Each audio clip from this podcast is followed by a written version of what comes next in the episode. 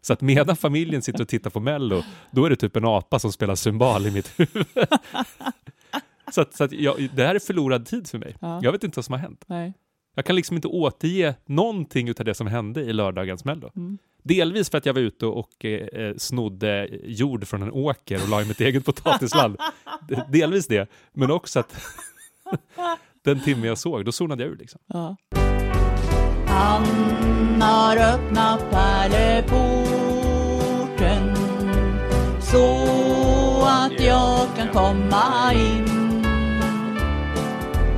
Genom blodet har han frälst mig och bevarat mig som sin. Välkomna Dutter till Pärleporten Podcast avsnitt 26. Bara två veckor sedan sist. Det är inte tre veckor. Bara tre veckor sedan sist. Mm, visst vet är inte illa. Nej. Eh, det kändes ju som att eh, vi har blivit snuvade på våren. Nu är man ju trött på det här med snön. Ja, speciellt när det bara blir så här fjös och snö. Liksom. Ge mig ordentligt med snö. Men det hade vi ju för några veckor sedan. Och sen så tänkte jag, ja men nu är det skönt att den ändå är borta och då, då är det färdigt. Och efter sportlov, då ska man ju vara färdig med det här. Mm. Har du haft ett fint sportlov om du har haft något? Det har ju funnits omkring mig. Men jag har inte haft lov. Vi testade ju det här att ha eh, konfirmationsläger i fjällen fast hemma.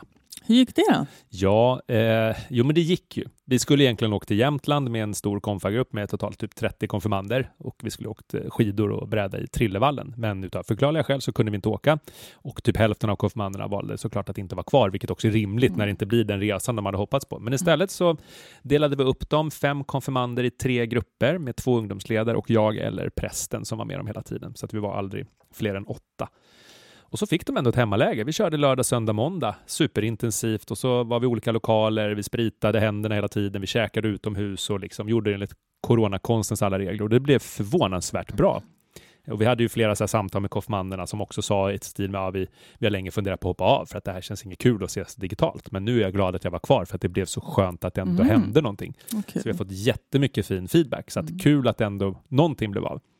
Och nu har vi fått öva på det, att ha liksom skidläger fast på hemmaplan. Jag hade också köpt massa pulkor eftersom när jag beställde dem, dessutom från Spanien, till förmån för den här gruppen. Jag beställde, det fanns ju inga pulkor att få tag på i hela Norden för att det var ju så mycket snö och alla pulkor är slut precis överallt. Ja. Och då hittade jag någon suspekt hemsida i Spanien. Så jag beställde 15 pulkor i glada färger därifrån och 15 hjälmar. Ja. Och de kom. Och i samband med att de kom så försvann snön. Mm. Så nu har vi ett lager. Härligt. Så behöver du låna en pulka till nästa jul så varmt välkommen till Nacka församling. Och en hjälm. ja, men det blev bra. Ja. Det blev bra. Vi är nöjda. Men varför konfirmerar man just mellan 14 och 15 år? Är det någon tradition eller är det... Ja, men det var en bra fråga. Alltså, jag tror delvis såklart att traditionen är stark, eh, att det är den här åldern som har varit utav gammal traditionell börd, men man har ju lagt den här för att jag tror att det är strategiskt att när man är typ 14-15 så börjar man fundera kring existentiella frågor och då har man väl valt att smart nog kila in sig där liksom för att vara, vara med och ta hand om de här frågorna i ett bra forum. Så jag tror att det är en, en strategi, att man vet att i den åldern händer någonting i ungdomars hjärnor och då vill kyrkan vara med och få komma med lite sunda grejer. Men nu eh, när ni ändå har missat eh, ganska många konfirmander och så, eh, kan det vara en idé då att köra eh, konfirmationsläger för äldre, att ni har gymnasiekonfa och så där i framtiden? Absolut, och det finns ju redan i flera församlingar, även om vi här i Nacka inte har det just nu. Mm. Så att absolut. Sen så ska man också hinna med det. Vi har ju så himla många konfirmander ändå, så Mm. att vi, det är oklart om vi hinner få till det. Men vi, vår målsättning är att alla som vill bli konfirmerade ska få bli det. Mm. Och, och det håller vi fortfarande. Sen så kan vi ju tyvärr inte rå för om folk väljer att hoppa av. Mm. Och det är också sunt att man inte liksom, om man inte vill vara här, då ska man ju självklart inte vara här. Mm. Men i och med att det visade sig ändå bli bra, trots att eh, det inte blev någon resa, så önskar jag mig att de andra hade varit kvar för att också faktiskt få uppleva det. Och sen har vi sagt så att vi kommer ha en återträff i fjällmiljö förutsatt att vi får resa Mm. innan maj är slut typ. För att det är väl då snön försvinner helt upp i norr. Förhoppningsvis.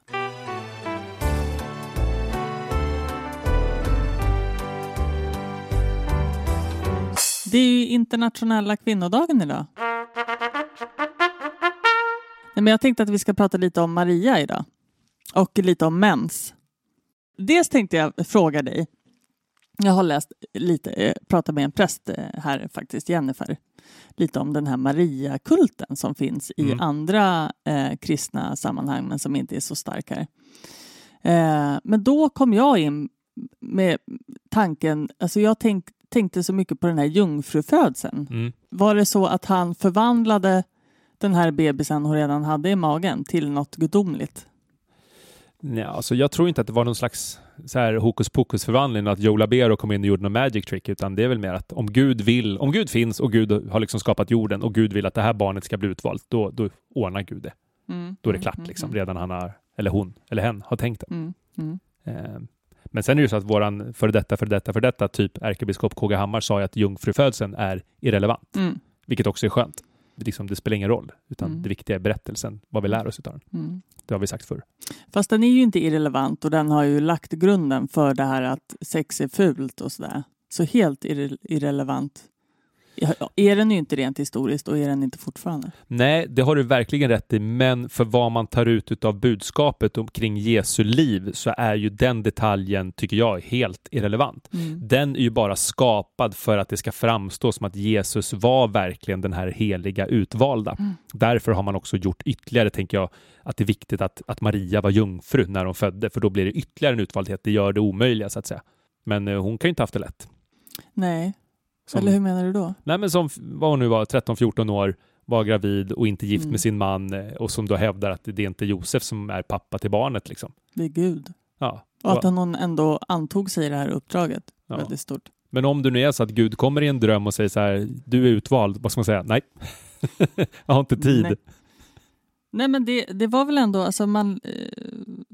Hon eh, var ju ändå väldigt sådär, alltså när, när hon eh, blev kallad av den här ängeln som pratade om det här. Hon var ju väldigt sådär, okej, jag gör det här. Eller liksom, det var inte så mycket frågetecken och ledsamhet. Jag skulle ju vara helt förstörd. Jag vill absolut inte göra det här. Så kanske det var, men Ja. de detaljerna finns inte med. För att å andra sidan, hur ska de som beskriver den här berättelsen, de har ju inget, de har inte förstahandsinformationen.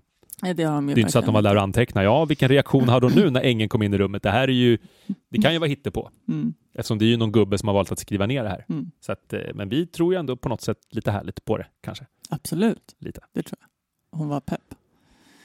Men ehm, Nej, men vad man ska göra när man får det här uppdraget, att, att eh, det kommer en ängel och befruktar den och säger att eh, du ska bli havande med Guds son. mm, Det är ju stort. ja, det är det. Har du hört den här, nu är det sidospår. Eh, jag hörde den här att man har överlevt Jesus när man fyller 33 då. Ja, absolut. Ja, roligt bara. Ja. Nej, men det jag tänkte på var att om vi egentligen inte tror att Maria var jungfru, varför fortsätter man prata om det då i, i kyrkan? Och det här tycker jag att det finns flera ämnen som man liksom skulle kunna... Alltså man fortsätter prata om det som om de var sanna när vi vet att så här var det förmodligen inte. Förstår du? Jo, men ska man liksom gå in på detaljnivå, då kan man ju säkert ifrågasätta alla heliga skrifter överhuvudtaget. Liksom. För att alltså, sanningshalten i den är ju egentligen inte det relevanta.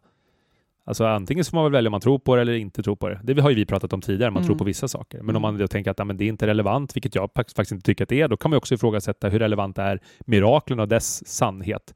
Hur sant det är att Jesus faktiskt återuppstod. Alltså, det har vi inte något bevis för, men vi kan ju ändå tro på det. Men berättelsen i sig, andemeningen blir ju på något sätt ändå större än de enskilda detaljerna. Men jag tänker att det är ju viktigt att prata om rent utbildningsmässigt. Ja, Rent för att folk ska förstå att man inte behöver tro på jungfrufödseln för att vara kristen eller för att eh, folk inte ska tro att vi är dumma i huvudet och galna. Förstår du? Jo, men det finns ju de som väl ändå väljer att tro på det, medan de som inte väljer att tro på det. Men, men, absolut. men jag förstår det är viktigt att visa på att det spelar ingen roll. Och när Nej, till och med då en, en ärkebiskop kan säga att det, det är inte av, avgörande, Ja. den här detaljen. Mm. Utan vill du tro på det, varsågod. Men om du inte tror på det, varsågod. Det funkar lika bra Mm. så att säga. Ja, men jag tänker speciellt när det är någonting som har varit så skadligt för kvinnors utveckling i samhället. Verkligen, så är det. Men det är, så är det ju generellt kring kvinnofrågan. Att Ja, det, det, det är alltid mannens öde som kvinnofrågorna avgörs. Det är som när gubbjävlar ska sitta och rösta om aborträtt och så Mm. vidare. Att det, är alltid gubbarna som gör det här. Mm. Som att de tar sig rätten att liksom tänka åt någon annan och främst då kvinnor i det här fallet. Det är ju Mm. ofattbart. Mm. Och orättvist och jättekorkat. Nej, men jag tycker att det är jättesvårt. Mm. Att det är någon annan som ska sitta och bestämma över min kropp. Mm. Det är verkligen jättekonstigt. Det, och det är ganska overkligt. Men det, och det är väl kanske därför de här berättelserna liksom utifrån kvinnoaspekten i Bibeln också blir så extra viktiga. Kanske inte detaljerna kring liksom huruvida hon var jungfru eller inte, men den kampen att hon fick liksom föda in Mm. våran Messias. Alltså att det kanske, det är ju ett bra fokus. Mm. Sen så är ju inte vi lika Maria-fixerade som många andra liksom, inriktningar utav kristendomen. För att, eh, Jo, varför är det så? Nej, men det väl, tror jag, handlar om den här personkulten kanske inte är lika relevant. Mm. Alltså visst, vi har ju en personkult kring Jesus, men det är ju för att han är den utvalda. Sen alla andra kanske inte har samma dignitet. Men eh, inte minst det vi pratar om det där härligt pappa Jesus-avsnittet, att, att i de liksom mer sydamerikanska kulturerna så, så heter ju alla, oavsett om de är kvinnor eller män, Mm. Maria i något andra eller tredje namn för att Maria är så väsentlig för deras del. Alla heter ju Jesus Maria, det kommer Mm. vi fram till. Fint namn. Ja, det är det. Men eh, jag tänker katolska kyrkan har ju också ett annat helgonsystem som vi inte har. Mm, så är det. Och hur funkar det? Kan du berätta om det? Ja, alltså, de har väl mer utvalda helgon till olika eh, platser, eh, liksom situationer, olika grupper. Att man väljer ut sina skyddshelgon. Att de, varför de är så himla viktiga, det, det törs inte jag svara på. Det får vi Men fråga en hur, hur katolik. blir man en, ett helgon?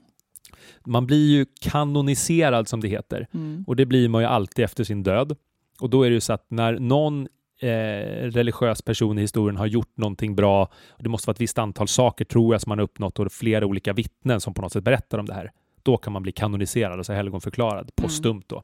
Och sen så blir man då också kanske, nu killar jag så här, med någon slags skyddshelgon för liksom, Det man har brytt sig om lite extra? nej inte nödvändigtvis. Ja, men det, det finns ju något så här, ja, men det här är sjöfararnas helgon eller liksom barnens helgon. Jag vet inte om det alltid är kopplat till Nej, det man inte. är. Det är ju som våra kungligheter. Alla våra kungligheter är ju alltid hertig utav liksom någon plats i Sverige som de säkert inte har någon koppling till. Ja, men du vet, prinsessan Leonora är ju hertiginna av liksom Bohuslän. Nu killgissar jag, har ingen aning, men man bara får den titeln för att det här var ledigt typ. Mm. Och nu vet jag inte om det finns några kvar eller om man kan bytas ut.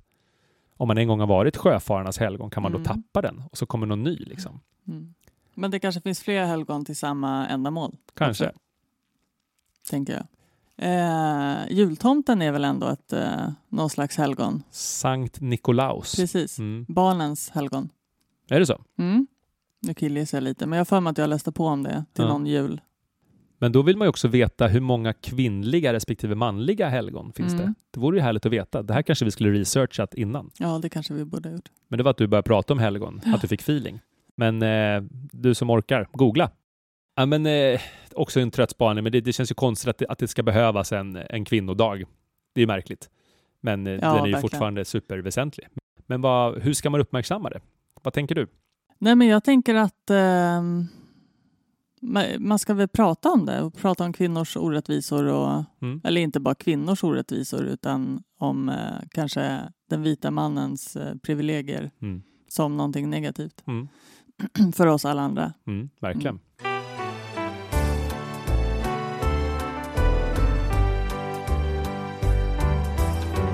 Jag fick ett fysiskt brev i brevlådan. Mm. Eh, handskrivet. Ska jag läsa det? Det är ganska Mm, kort. mm. Det står så här. Hej! Jag heter Roger och är ett Jehovas vittne.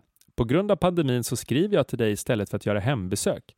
Många är oroade över vad som händer i världen och därför vill jag förmedla uppmuntrande tankar från Bibeln.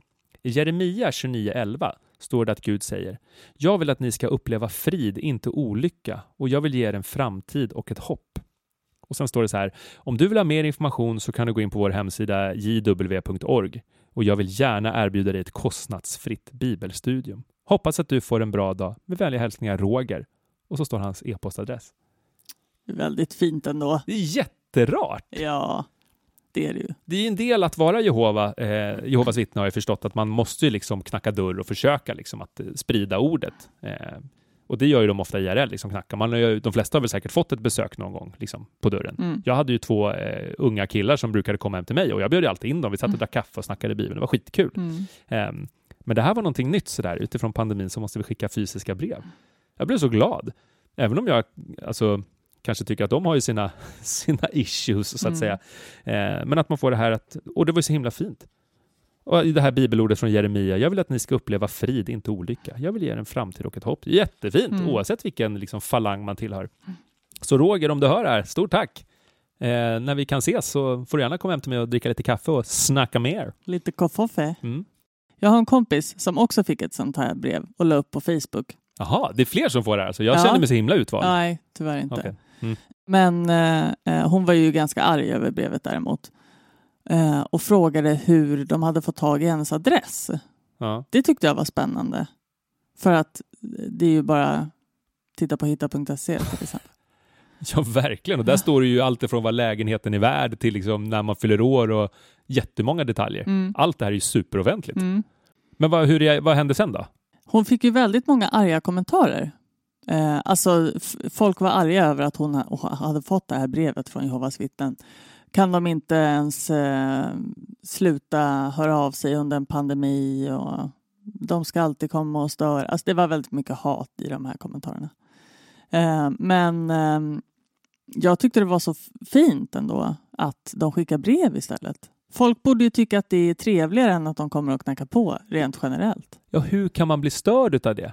Ett handskrivet brev där Ja. man får några goda ord. Det är ju det är onödigt. Väldigt onödigt. Sen kan man förstå det här när de står och knackar på dörren om man inte är intresserad och tycker att det är lite påfluget, precis som alla som försöker liksom kränga såna här liksom abonnemang som man blir stoppad av när man går på Medborgarplatsen. Typ. Mm. men kan du gå med i den här organisationen? Alltså, så blir man påhoppad på ett sätt. Det är ju en Mm. annan grej än att få ett brev hem i brevlådan. Det är bara att slänga.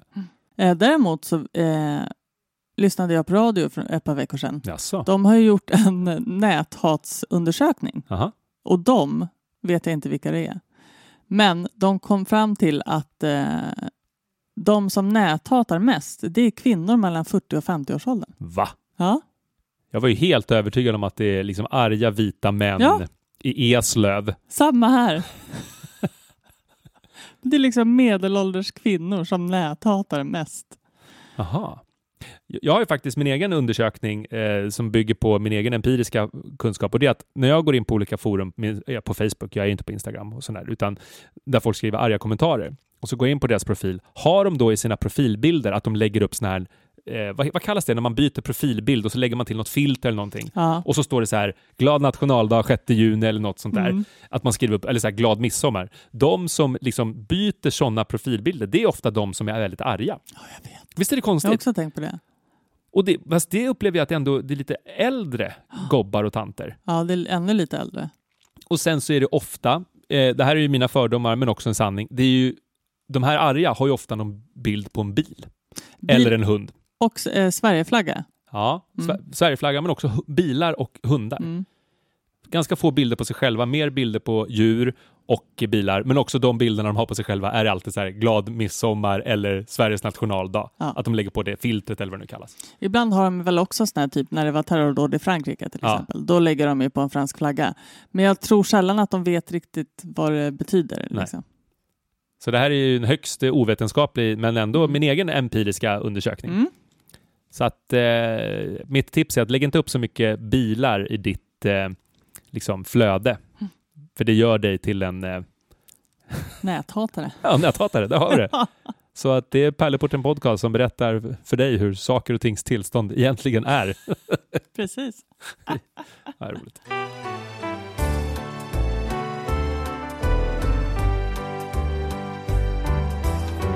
Hörru Nadja, Mm. får jag delge lite goda nyheter? Mm. Kommer du ihåg den här stora följetongen om eh, huset i Gamla stan Gate? Ja. Eh, domkyrkoförsamlingen som hade blivit hasslade och blivit av med ett helt eh, hyreshus när de Mm. bara sålde en liten, liten, litet gårdshus. Mm.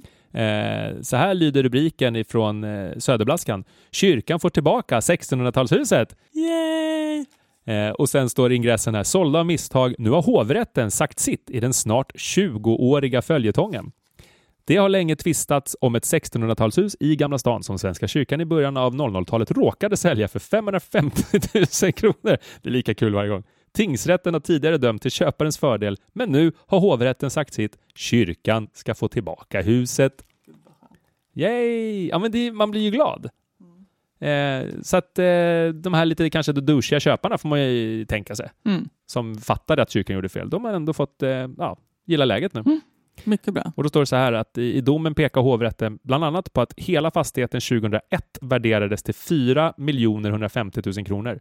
Och det här är alltså 20 år sedan. Mm. Gårdshuset stod för 180 000 kronor av den summan. Ja. Så att det blir ganska tydligt. Mm.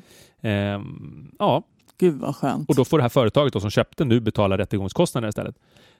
Sen är det väl så att man kan skicka det här en instans till. Vad heter det då? Ja, Man kan väl överklaga det va? Nej, men här står det faktiskt. Just det, förlåt. Eh, det, och det här är alltså hovrätten som har gjort sin dom. Och då står det så här, nu återstår att se om det kommer överklagas till högsta domstolen, säger advokaten Ja, ja, som ja. företräder Mm. församlingen. Så det finns ju fortfarande en risk att det här går ännu längre. Men om hovrätten liksom dömer till kyrkans fördel så tror jag inte att liksom, högsta domstolen kommer göra någonting här. Eh, men här står också ett citat. Församlingen är nöjd med domen. Härligt. Det är inte så här att de liksom kastar hatten i förtjusning. Ja, församlingen är nöjd med domen. Här hade man väl hört sånt här, fy fan vad skönt, ja säger liksom kyrkoherden eller domprosten. Det Ja. hade ju varit jättehärligt. Ja. Man vill ha lite mer så här, lite mer yviga känslor. Mm, vill man. Vi kanske inte är så yviga i Svenska kyrkan. Nej, det tror jag inte. Utan det är väl, vi är väl ganska lågmälda på något sätt. Är det dags att vi blir lite mer gospeliga? Det tycker jag. Mm. Så vill man att det ska vara. Mm. När man ser liksom amerikanska filmer när de här liksom fartfyllda gospelgudstjänsterna. Ja. Det är liksom... Ja men du fattar. Ja, ja, Mycket visst. jubel, applåder. Är Och också det här att prästen får medhåll vid predikan. Ja, det är fint. Det vill man ju också ha. Jag vill ju gärna gå tillbaka till den här eh, tiden då vi inte hade psalmböcker utan där kyrkomusikern snabbt sa meningen man skulle säga och så svarar församlingen. Liksom. Vad var det för tid? Eh, det var innan man hade, eller det, vissa lite fattigare församlingar som inte hade råd med psalmböcker. Så satt liksom eh, eh, kantorn och bara Amazing grace how sweet the sound. Och så föll alla med. Amazing grace. Förstår du? Var det även i Sverige alltså? Ja, säkerligen. Jaha. Ja. Ja, det låter ju rimligt. Men det här har inte jag ens reflekterat över. Mm. Att det kan ha funnits en tid före psalmboken. För den känns ju som en liksom kloss som alltid har Ja, legat där precis. i kyrkbänken och bara väntat på att dammas av. Så att säga. Ja. Men fint, det är just den här tanken om att alla, alla ska vara med. Alla måste kunna Mm. få hänga med. Liksom. Kul. Väldigt fint. Och apropå psalmer, jag håller på med ett psalmprojekt. Visste du det? Jaha, ja. Ja, jag Ja, kanske men, jag, det jo, någon gång. men precis, det har du gjort. Ja. Jag tänker att i år är det tio år sedan vi gjorde Technomässan. Det har Mm. tio år sedan vi lanserade den. Så att i år, förhoppningsvis om allt går som det ska, så ska vi släppa en ny skiva med kända salmer fast i liksom upphottade tempon. Gud vad kul. Och tanken är att vi kanske, ja, när man nu får fira gudstjänst igen, så ska man då få fira typ gudstjänst. Eh, dels ska vi göra en gudstjänst på ett nytt sätt, tänker jag och min kollega Andreas. Vi ska Mm. liksom tänka bort allting som har med gudstjänst att göra, förutom musiken då. Så att vi ska göra en som en ny gudstjänst, men att man får sitta i kyrkan och sjunga med till de här liksom proddade bakgrunderna. Så att det blir som ett liksom, ja, man får sjunga med som en, en house-låt. Fast det är typ Amazing Grace, den har redan spelat in. Ja, Fast på svenska, Oändlig nåd. det är min favoritpsalm. Så då kommer du få höra den like you never heard it before. Like a virgin. Eh, ja, Ja. eller som Weird Al Jankovic sa, like a surgeon, cut for the very first time. Har vi pratat om honom? Ja, någon gång har Ja. vi gjort det. Då är det här gammal skåpmat. Mm. Vi får nöja oss med det. Jag har en sista fråga. Hinner vi? Absolut. Eh, Eva och Adam i trädgården. Allt är fantastiskt. Ja. Eva äter eh, det här äpp- äpplet som ormen kommer och erbjuder. Rent tekniskt är det den förbjudna frukten. Det är inget som säger att det är ett äpple. Eh, Okej, men vi alla vet att Ja. det är ett Granny Smith-äpple för att de är så sura och äckliga. Just det. Och sen förändras ju hela världen. Och, och, eh, eller ja, det vet vi inte riktigt. Eh, men på något sätt blir de utkastade ur den här trädgården. Så man inte riktigt vet vart den är någonstans gentemot, liksom, var den på en annan planet eller var det bara en plats på jorden och sen fast den utanför trädgården? Förstår du? Ja. Det här var ju, blev ju lite på detaljnivå. Va, va, va kom det en fråga allt här? Nej, den har inte kommit än. Nej, okej. Det undrar är, när hon, för här kommer mensen in och fortplantningen. När eh, de blir utkastade fick kvinnan mens och du vet eh, smärtsamma förlossningar brukar man ju säga att så här, Gud gav en smärtsam förlossning, vilket är bullshit tänker jag. Men hur tänkte Gud att det skulle fortplantas innan det här med ormen och äpplet kom? Var, skulle han liksom skapa människor reben efter reben eller var det någon slags samlagsakt som skulle ske? Men hur skulle det funka utan någon slags ägglossning? Var det bara magi? Och framför allt nu, den viktigaste frågan. He- Hela det här ledde ju till att hela världen blev till på något sätt. Alltså alla vi människor. Och hur, hur hade det sett ut om det här inte skedde? Förstår du vad jag menar? Det känns som att det är olika nivåer i den här frågan. Ja, det är väldigt många olika nivåer. Det första du ställde där någonstans fanns det en fysisk plats och det, Ja. det fanns det ju. Det är ju där, där floderna korsas i Mm. Eufrat och Tigris. Vad är det? Mm. Gamla Iran, Irak någonstans. Mm. Där i varje fall tror man då att den här trädgården fanns. Mm. Om man nu ska tänka att det var en riktig plats, vilket man inte behöver tro på. Mm. Eh, men eh, sen är det ju så att om man läser skapelseberättelsen så står det ju verkligen att Gud skapar liksom alla eh, levande varelser och ni ska föröka er. Och liksom det ska bringas frukt ifrån träden och yada yada. Så det är ju en tydlig grej att redan i skapelseberättelsen så säger Gud att ni ska föröka er. Och även som en uppmaning till människorna. Och han skapar ju människan. Som man och kvinna skapade han dem till sin avbild. Allt det där. Så att frågan är, han kanske bara inte hade detaljerna klara där. Mm, När mm, Gud mm, skapar mm. man och kvinna så tänkte han så här, ah, jag börjar där. Ja. Och sen hur liksom de inre organen funkar, det, det tar vi liksom vecka två. Ja. De första sex dagarna skötte han liksom allt. Vilken vecka hände det här med ormen då? Var det så här, eh, det här skapar jag på en vecka, eh, dag åtta så eh, gick det åt helvete. Ja, man, Vet man det? man får väl börja med att tänka att det är inte dagar som vi räknar dagar, utan man får tänka att det, det, ligger ju lite i linje med hur skapelsen, alltså hur evolutionen ser ut. Att först kommer ju ljuset och mörkret, det är ju typ Big Bang, och sen så kom haven och marken, eller land, som man kallade jord, och sen så kom liksom växter och sen så kom gräldjur och jada jada. Så det är väl typ samma lika, men en dag är väl som de- man brukar säga ett par hundra miljoner år kanske. Mm. Så då kanske det var några hundra miljoner år till innan Edens lustgård kom. Ja, ja. Och Adam och Eva jassade runt där, Mm. nakna och glada. Tills då ormen hasslade Eva så att hon blev den som fick liksom bära arvsynden. Det är Ja. taskigt. Det är väldigt För att taskigt. Adam var lite av en fegis. Ja. Och tack vare det så hävdar ju folk fortfarande då att kvinnor ska liksom vara lite tillbaka på Mm. grund av att i bibelberättelsen så var det en orm som lurade. Alltså det är så dumt. Det är så dumt. ja. Oj, men. Det är väldigt dumt. Men eh, ja, jag vet inte. Men är det där det står det här om smärtsamma förlossningar och så vidare? Står det där i början av Nej, Bibeln? det där, nej, men eh, det vet jag faktiskt inte. Men det här är väl också någon, vad jag har fått för mig så är det här någon sån här skröna som folk har hittat på. Liksom. Men jag kan ha fel. Du är nog bättre på Bibeln än vad jag är. Jag Alltså, är. Alltså just kring det här med mensen så var det så att det jag lär, lärt mig av min mamma, hon sa ju så här Johan, killar gör lumpen, kvinnor får mens. På riktigt, det sa hon till mig. Nu gör ju inte ens killar lumpen Nej, längre. nej. Men, men det var liksom som att då, då tog de här ut varandra. Killarna måste göra lumpen, kvinnor får mens. Jätteroligt. Hon till mig typ här fyra år gammal. Ja, Ja. men då, visst. Jag läste en sån fin text idag om, eh, om just... Eh, eh, för att förr i tiden var ju kvinnor räknade som orena om de hade mens. Eh, så i sju dagar då fick de inte hänga med folk, typ. Ehm, för att om, om, om du tog i mig när jag hade mens, då blev du också Ja, oren. visst.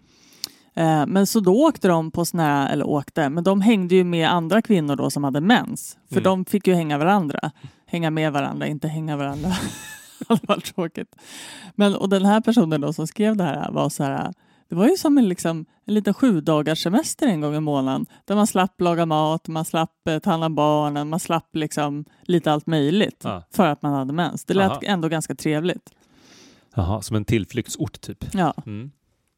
Nu behöver man ändå jobba fast man har mensvärk och man måste byta binda var tredje minut. Det är Ja, det, är, tråkigt. det är hårt. Ja. Ja, det är ju sannoliken orättvist på något sätt. Mhm. Och dumt sätt att sköta kroppen, om nu Gud ändå hade en plan. Just Mm. det här momentet skulle ju... Alltså det är ju lite som också med tunnhårighet. What's the deal with Ja. that? Liksom. Det, är så här, det hade ju inte behövts. Det är ormen, Ja. 100 procent. ja, men faktiskt. Ja.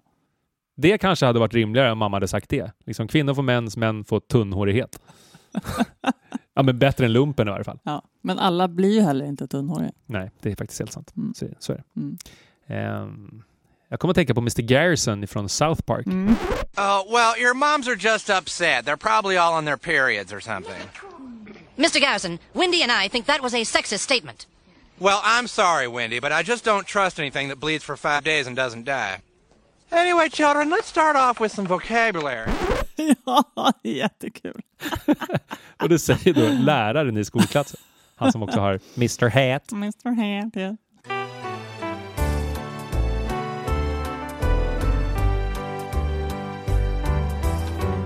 Hörru Nadja, Mm. jag måste rusa på ett eh, samtal. Härligt, Jo tack. Mm. Vad kul att vi fick till det här. verkligen.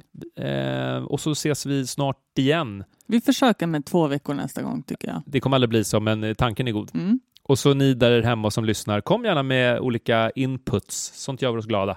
Och jag vill också tipsa om att vi har en Spotify-lista som heter Ingång till Pärleporten som finns på Spotify där vem som helst kan lägga in låtar. Eh, Det är jag, Johan och Lisa då som har lagt in låtar. Men så gick jag in där häromdagen och då såg jag att det är två eller tre andra personer som har lagt in låtar där. Är det sant? Ja! Så nu varje eh, avsnitt tänker jag tipsa om den här. Eh, där lägger man alltså in låtar som man själv tycker har en andlig koppling eller som man själv känner någon slags andlighetsstyrka av eller något sånt. Styrka! Styrka! Vilken härlig betoning. Ja. Så att eh, lyssna på Pärleporten även på Spotify. Mm. Ingång till Pärleporten. Vi finns i alla medier, ish. Alla format. Mm. Vi ska, vi, eh, jag ska också testa ett nytt format med Mhm. oss, tänker jag. TikTok. Nej, Vad är det för format? Ut med Nej, men jag, språket. jag tänker att vi ska eh, åka bil och podda. Du vet som den här eh, personen som på Youtube, Youtubes. Har du, hört, har du sett det? Jag vet att Filip och Fredrik gjorde det en gång i tiden. Jaha. Nej, men det är då en person. Fast det här kanske inte blir så kul med dig och mig, men eh, det återkommer. Jag tänker så här. Man är en person som kör och så intervjuar den personen liksom som är med. Och då original, jag kommer inte ihåg vad han heter. Det är någon knubbig gubbe. Det är någon... eh, Knubbe. knubbe. Eh, det är någon eh, person eller någon man som är ganska rolig som då får in olika artister. Och så pratar de om artistkarriären och så lyssnar de på låtar och sjunger med och grejer. Men jag tänker att det här kan vara kul att göra typ med präst eller diakon eller pedagog eller något sånt där. Du tänker carpool karaoke? Ja men precis, precis Med den. James Co- Cor- Cornell. Ja, fast Typ man kör Corbin. carpool priest edition. Just det. Är inte det kul? Ja, lite. Jag blir mest nervös över att du ska köra bil. Eller ska jag köra bilen kanske? Nej, jag kör. Varför kör du? Jag blir bara åksjuk. Om du kör. Varför blir du nervös av att jag ska? Nej, men ja, det här med att göra flera saker samtidigt. Jag blir nervös när du kör Zoom-möten och kör bil samtidigt. Ja, men det är inga problem. Nej, det är det jag menar. Jag kan göra flera saker samtidigt. Ja, du som eh, Nate Dogg. Nej, han var kåtast Ja, i det. Kungsängen. Det Ja. var, Vem hade sämst börja Eller inte lokalscen? Jag kommer inte ihåg vad han hette. En sak Ja, då, värld, världens sämsta simultanförmåga. Ja, Ja. ja, det är kul. ja okej. Hörru Nadja, nu måste Ja, vi säga hej då. Signing. Tack! Tack.